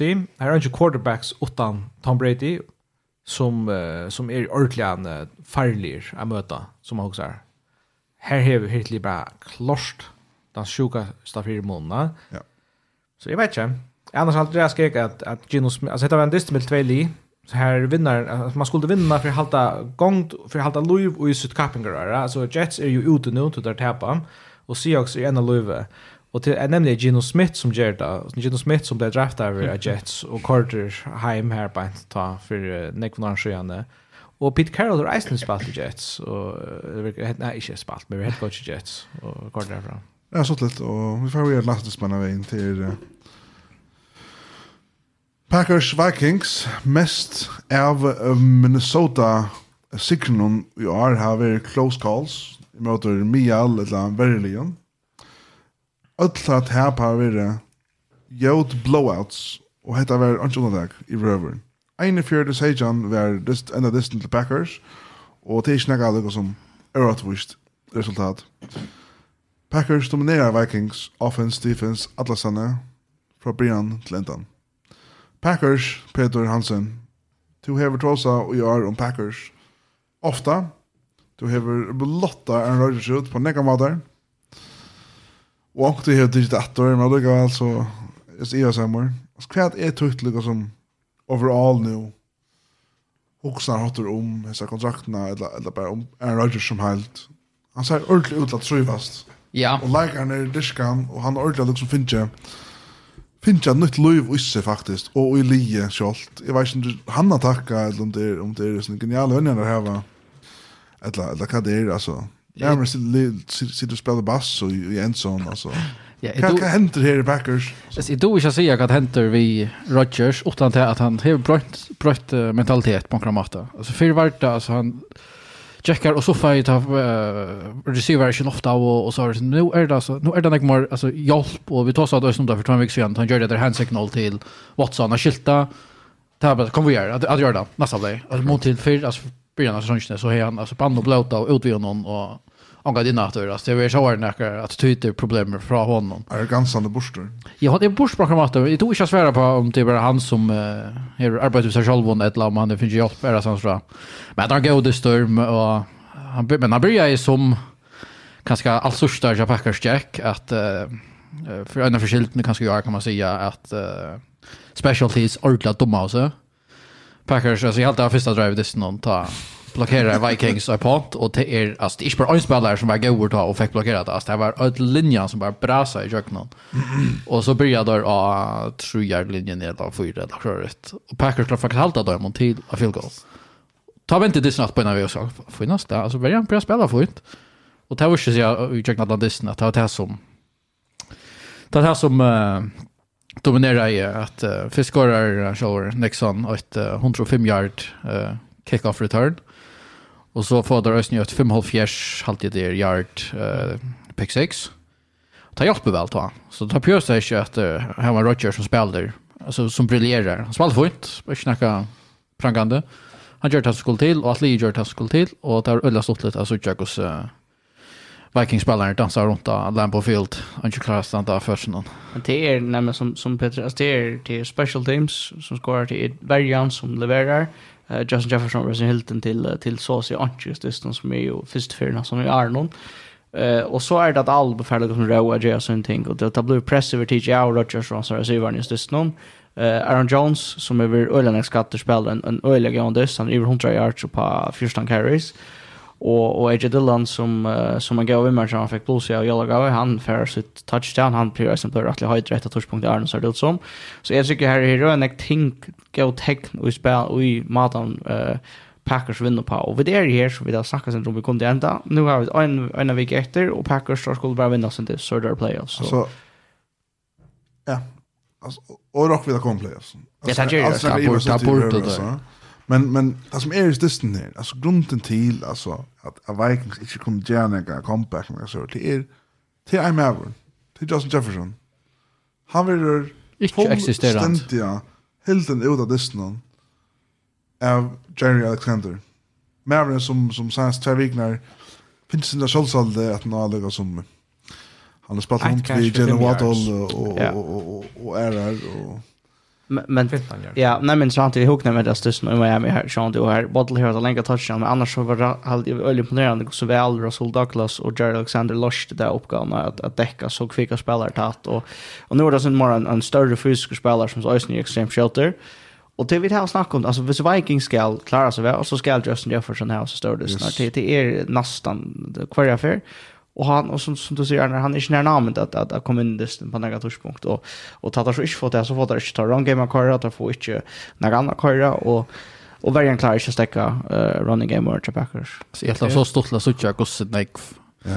Eh Alexander var i hötten av Jefferson. Allt landet nu kökten. Alltså gosse frustrerad av Jefferson var att han inte kastade till han och inte ända för alltså han var däckad av uh, Preston Smith en uh, som passar köra kostar sig inte rätt rettron, och vi checkar och missar bulten. Ja. Ta spel. Ja, det är nog så sensationell början som Distern hever. Alltså vi alltså kick-off return touchdown och ett pick six. Alltså det är sånt ting som händer så sällan och det det är ju bara sån rein bonuspoäng av vad som är NFL i. Och så så så, så knappt den är så fyrstan tror jag. Och det verkar sent som om att Vikings fallt där av oss där. Att det blir för neck fear där. Alltså där kommer ångan till igång. Og så, ja, så kommer Packers all oppe spekler i gang, og så så vi noen glimt fra Aaron Rodgers, og jeg ok, hette tar vi, hette gamle Rodgers vi kjenner, men det er ikke så jeg han er Maveren som vinner Disney-fyrer. Det er alle ærer. Altså, han er 100 minutter, tror jeg, så det er noen, og ett touchdown, og Men mm. jag hade att Vikings missar sin trött åt Justin Jefferson. Alltså ja, Jerry Alexander har tagit så trash alla vikna. Han har lagt byggt upp lite. och och man är faktiskt ändå i tås i fjällmillen om och just såna lever inte göra det. Inte så trash vi Justin ja. Jefferson. Det han för straffa det. det han har sagt här att det var en fluk. Han var en flukspelare i China som Nej, nej, han säger det flukdyster. Inte han var spelare. Han säger han går över sig var alltid alltså. Ja, och, och Justin Jefferson var mega frustrerad. Alltså, jag Alexander, han var alltså han han han var inne i hötten någon Atlantis. Alltså min när morgon att jag bort jag hade Jefferson bort över blackar ut till det. Alltså han räcker en domare vid hjälmen. Om det är så vi vill jag inte alltså ta öjer där av era. Så nej nej så när vi hött någon värran att han faktiskt kom så långt ut att och i frustration Reinran att kyla hjälmen ner. Bröksekund Arne räknar domare, så är han faktiskt shit i den domaren. Hvis det ikke kjenner Jerry Alexander, så bare skriv en navn på YouTube, så er det en røra stortlig intervju vi han, og så videre. Og det gitt i. Ja, Eisen, han tåsar om det, far en distan, og sier litt som her, altså, skal jeg bare si det at jeg er en, en, en cornerback, altså, jeg er en great cornerback, sier så, altså, Så jeg synes ikke som gav, en great cornerback, og at han har distan, så, alt, alt med det jeg i til han, altså, liksom, Vanligvis är allt för Aaron Rodgers eller han sånt spelare så vi har gjort. Allt till honom till man var ju entertainment där nere. va Jag syns det Rodgers. Så sitter han visst natten där. Kämpa i hatten någon. Och jag åkte ju till där Eli och Peyton Manning och sådana där det måndag kväll. Tar bara det. Det är hatten nice ja.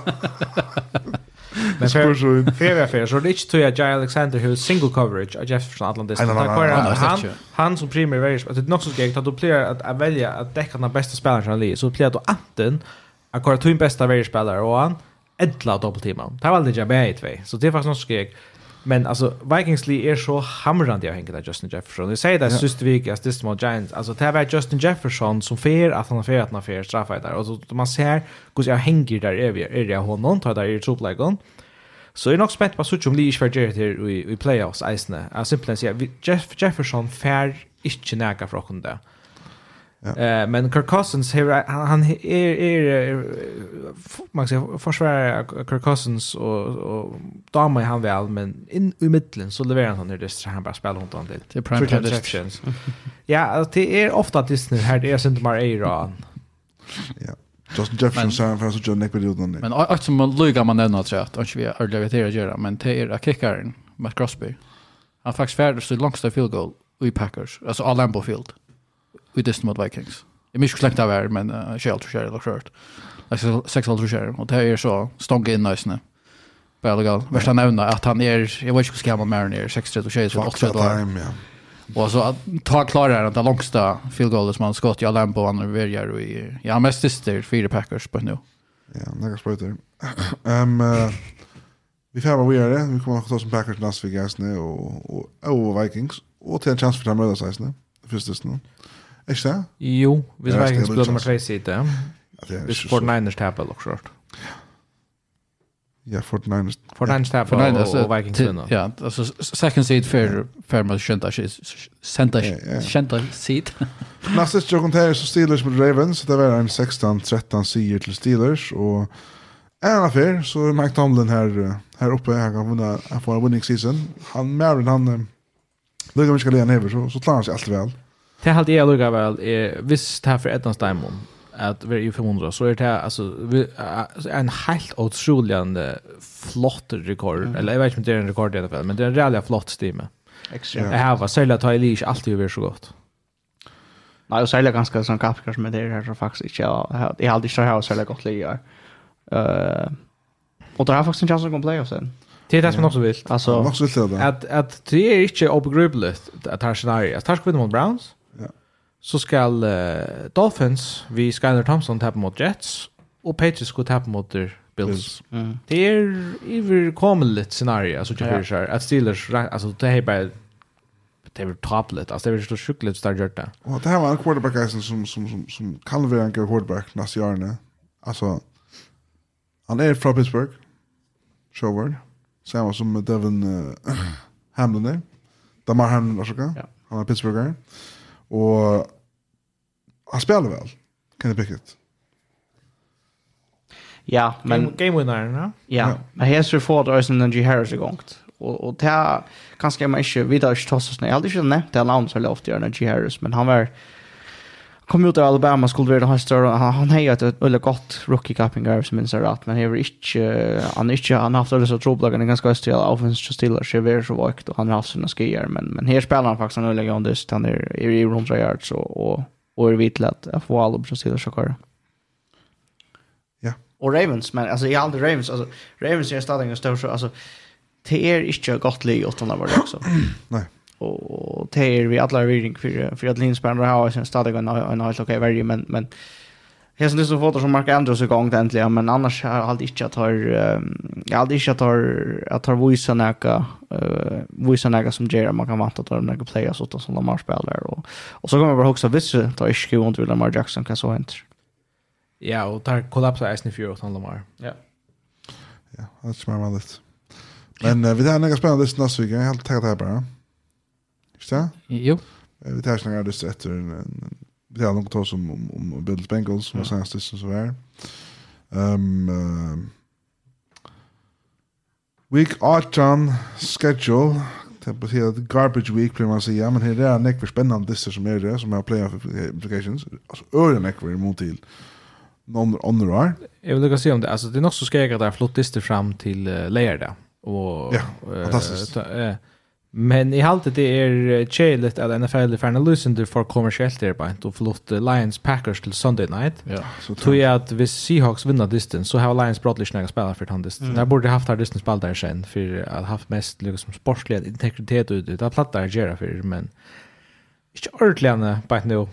Men men men så ja, och det kanske om det avskar det det tas mer viktigt. Det är ju det något vi Lions men det more vi Packers där alltså Packers har knappt en film men kan man säga, vi så ser också vinna sin dist då. Ja. Det till det som är det. Det vill jag dra lucka men men man kan bara stärka sig procent. Ja, och veck eller man kan inte bara få tjänar mest procenten vi ser då vita att tjänar något spel. Ja, men det har en Campbell i vikna. Han över öle så där så positiv runt där. Alltså att ja, det är fantastiskt att spela Sunday night så ser. Vi är så hyped. Ja, alltså vi har chans för att spela så det sker att så för att lägga där för Packers. Det är väldigt speciellt. Han det han syns kan häver men start veck. Det är bara människa lite. Nej, vi ser också vinna. Försvara det lite. Ser också vinna så för press i Lions. Det är så. Jo, jo. Det kan være veldig fire måneder for Seahawks. Ja, ja, ja. Att att Lions spelar utan utan utan det där egna press, ja. Men men det, jag hade inte att det är utanliga affär att att att men det är procent. Och hvis Chiefs nu tappade mot Raiders där den så har var Bills knappt en spelare för mot Patriots som så kunde ha sin tatta lattare kom play och Mm. Men men ja ja, det är det är en en fyrtöka är is Ja. Ska man inte glömma. Fyra hitchar är det öle och gott att att att det flit så det snart är det. Men så till Ramsen och säger också så det går alltså jämt. Men uh, vi färdig den första snön, den första ström tar vi uh, i alla vi inn, jeg vet ikke om det er veldig nära men vi så så hon har försökt og Hvis det lusser vi, så... Skriv om det igen. Ja. Yes. Tenk å laste ikke noe på eisen. Det var... Fyrstesten til Chiefs Raiders. Hågon Tudje. Chiefs skulle vinna. Sean ja. det. Det var inte just det. Ja. Ja. Jag är som glad för att, att, att Derek Carr faktiskt är, är lagt sig hittills. Ja, Chiefs till Seattle. Det är uh, nästa som Jokon. Han är så om nattna. Kjemmer han har bort. Nei, orsaka. Vi færa høyga kongsomer kanskje. Håper jeg.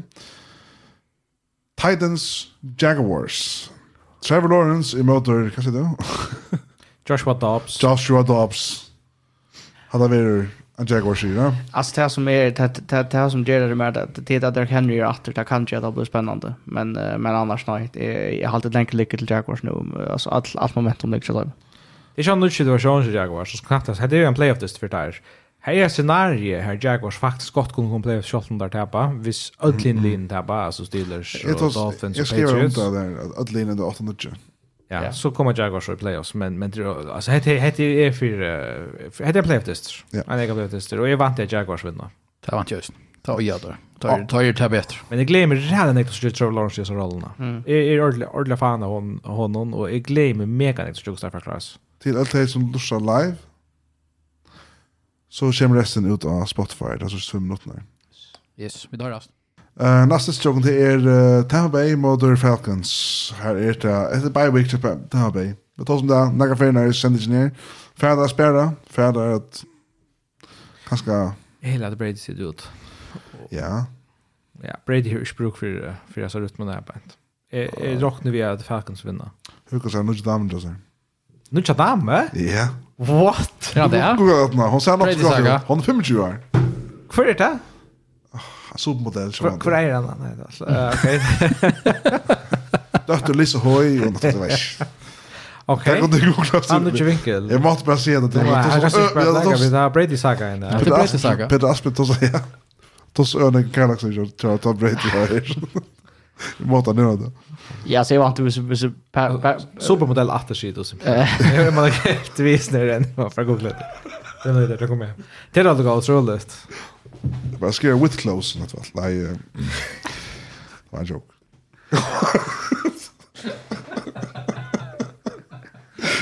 Det är bara väg mot Falcons det är gott att vi inte kör en L-live nu. Jag kan klippa det ut, ja.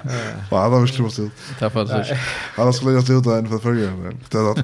Nej, visst Tampa spärrar sig inte och spelar i Laungir så vinner Falcons en hemma hemmadistance match, jag säger.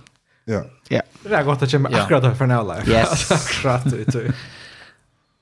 Ja, jag huxar samma. Det är en sån distor som vill avgöra och går större välja sitt lopp. Men det tycker jag ligger på Kaners borde av vunnit. Det är stadigt gas i bussen nu, mamma oj, just jag svär. Nej, jag jag hoppas att se att Tampa vinner lugg väl, det vet. Kanske där ega lägga ner för ordla bränna och nu ska vi lägga spela playoffs. Ettla faktiskt, brukar det attlar som inte har några skidor. Då Brady var spart men men. Mm. Så har vi New England och Bills, jag vet att Agnar tippar. Ja, det synter etter omstånden en trobelist att tippa. Man vet inte hva for uh, mindset Buffalo for England. Og start vi vidare ut 100% om det. altså, det kan jo stadig være det som er flott där. Man hoppa, uh, hoppa att, att det går vel. Men, men om, om det vanlige en og och alltid ösen nesten, om det ikke er så eller vanlige omstånd så, så vinner Buffalo andre distan og i, och i vel til å være noen ösen emosjonelle distan på några måte. Ja, Buffalo jeg er ikke om at, at, at Bills færre spalt. Jeg, jeg er helt ikke 100% sikker på at Disney vil spalt. Mm. Så ja, jeg, jeg er sånn at, at hvis, hvis situasjonen er ikke er jeg klar vi vid Damar Hamlin, eller særlig hvis det er så åkt gong gale, og gong hinveien, kunne du ikke ofte for meg Disney Eisen er avblåster, men det ble bare så jævlig innviklet for NFL, hvordan de skulle håndtere resten av kampingarens ordning. Men jeg trykker det er øyla stor chans for jeg Bills tapper det. Simpelthen til at det er, det er for ringt for en spillfantist, og jeg er nok vi at Belichick hever fullt folk, altså hever sunnleikere klarer å spille. Ja, jeg alt er jeg håper for Dolphins er det er spennende for det, men Ja, det er ikke farlig i sammenhengen alltid, men Men ju, nej, alltså det är alltid man ska ju också att han vägen alltid just men men men ju ju alltså jo ta ta är det alltså det är nog ting vi är snär alltså vi som som Axel är alltså nog ting som som kan göra att det är nog ting och i playoffs när som är unfair för något Det, det kan det vara att att att, att Shamu Dormer säger bara at det er som vilja spela spela och hinner. Nej, alltså jag halt det att, att vi kunde ju komma ut en situation det är ju bara mycket det alltså att att, att fortsätta in att lockshot vi sagt och att de Perry flott eller de det så flott. Det kan sagt han sent än och ehm och det här är ju stadigt möjligt för att är det inte att inte när vi det här som kräver att den är ta gjort man ta 911 men det var så långt out just i september. Det var början av kapen. Det är smära. Ja. Uh, Minnesota Vikings mot Chicago Bears. Yeah. Vikings, ja. Stort og grøst er det Vikings. Ja, yeah, like Vikings. Backup quarterback. Job Justin Fields spiller jo ikke, nei. Nei, ja.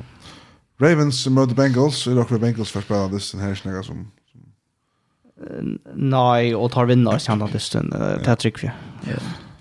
Lamar han vinner ju igen så Ja, så Brottlian så hävdar ju alltså att den är att Helsingborg kunde ju vara för divisionerna vis Bengals ju tappade mot Bills ja? och nu har det ganska det sint last inte mot men där kunde han ju teorin ungefär för på Bills så starta tappa eller så alltså.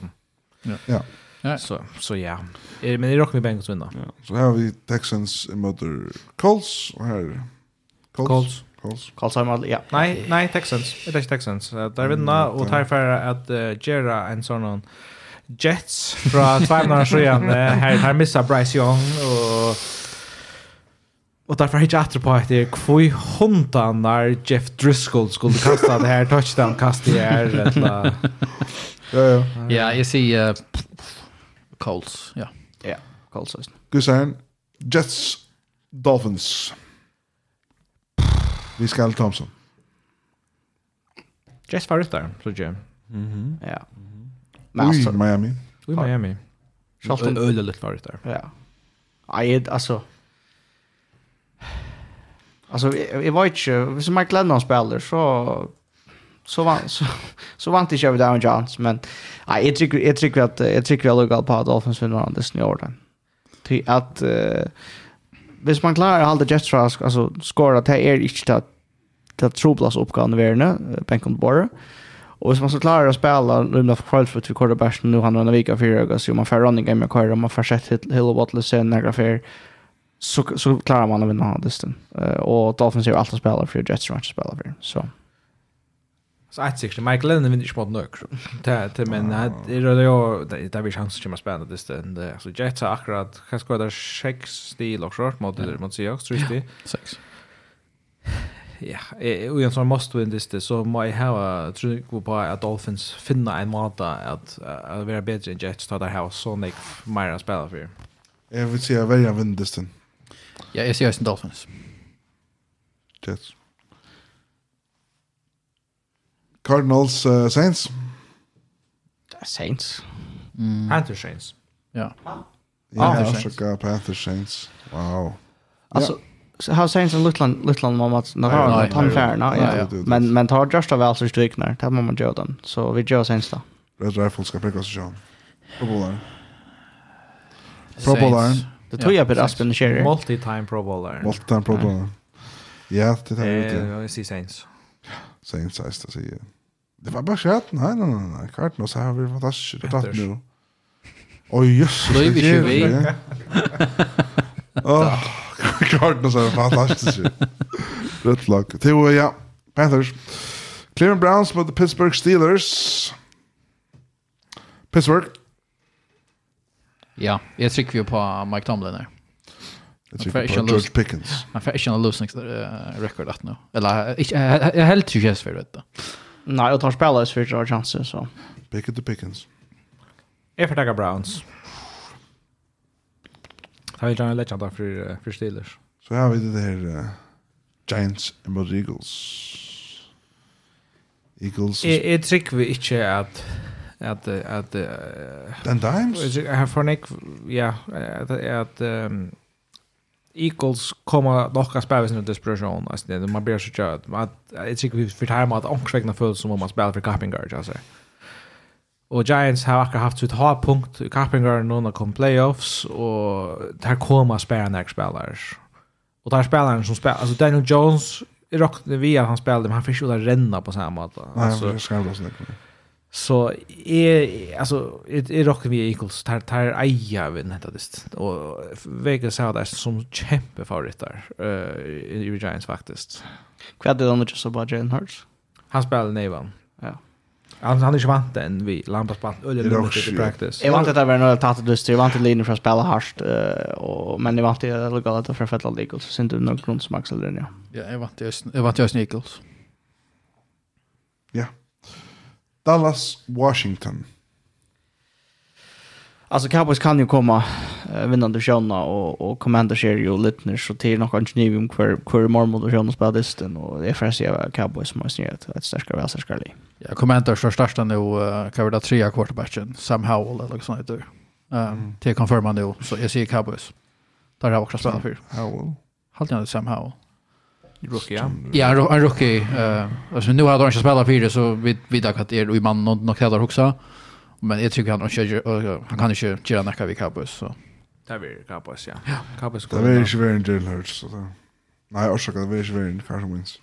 Fortsätt nu. Uh, Chargers, Denver, Broncos, at Broncos relevant. Hur ser vi charters Hur kan kontra flyta? kontra där tar har vara 15 sekunder. 5 minuter 6. Tar vara 5. Så där har vi sin spela för. Ja, för mig är det helt säkert viktigt att veta om vi spelar mot Jaguars eller om vi spelar mot Bengals eller Bills eller shortly. Ja.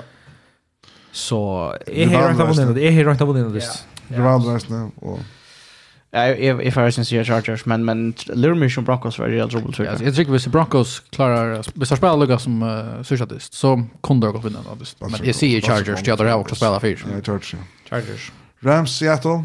Baker Mayfield. Nej, ja. Nej, men Seahawks alltså alltså Sjåan det kommer Seahawks kollapsa. Alltså Gino Smith är spel väl knappt och att landa men ehm och då får lucka att det Metcalf mätka för sin ratter men jag har sån illt jag såg det och jag får se sig också. Ja, Seahawks. Seahawks. Yes, det är ju Seattle. Men jag jag hooks bäst det där att vi har spelat alltså Rams Copenhagen i Ginshu Itla och nu har man också där man kan spela man kan vara spoiler så inte för för Seahawks och ja, Baker Mayfield här följer han är ju en nära präkvän i NFL och Jeg får si at jeg gjør det, og til tog jeg at jeg vil gjerne ha en sånn denne fotballdisten av er en ordentlig, altså, da er jeg vinner en fyrir playoffs, og jeg vil gjerne hvis Lions kommer playoffs, så jeg får si at Rams vinner. Det er også spela for, ja? Ja, så tar jeg at for nytt snakker vi draftposisjonen spela for. Også spela for, ja, det er bra æra. Men ja, og eist endest som er... Bare skundokon jøgnene til Panthers, Cardinals og til 49ers. Niners vinner av det. Ja, Niners, Niners. Så har vi Monday Night. Vi har Jared Goff, i møter Aaron Rodgers, legenderna.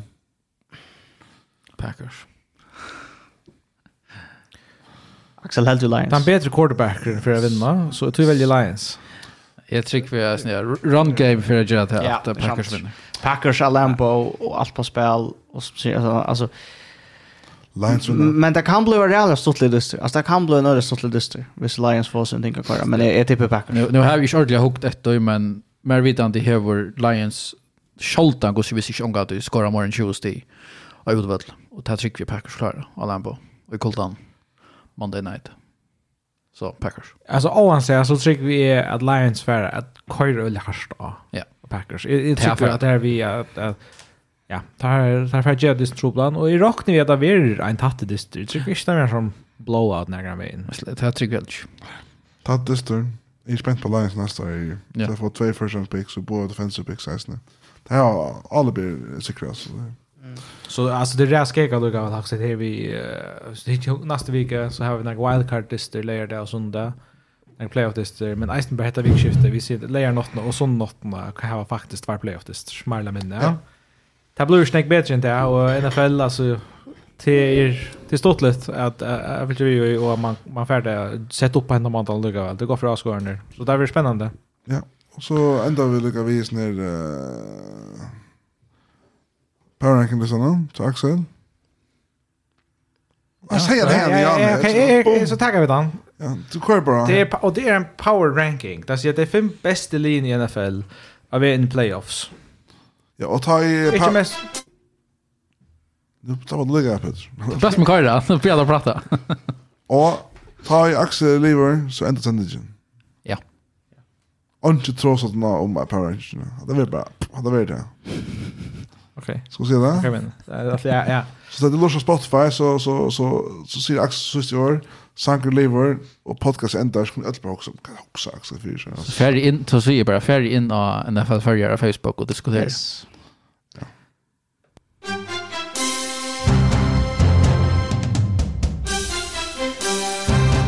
Det bästa linje i NFL, vi börjar vi nummer 5. Ett liv som hej nek spelar skatter i början av Arno, men som börjar att finna som verkliga bästa goa stimarbeten nu är för att Los Angeles Chargers, uh, ett femta plås är spännande liv och är nummer fyra för alltså det bästa livet i NFC.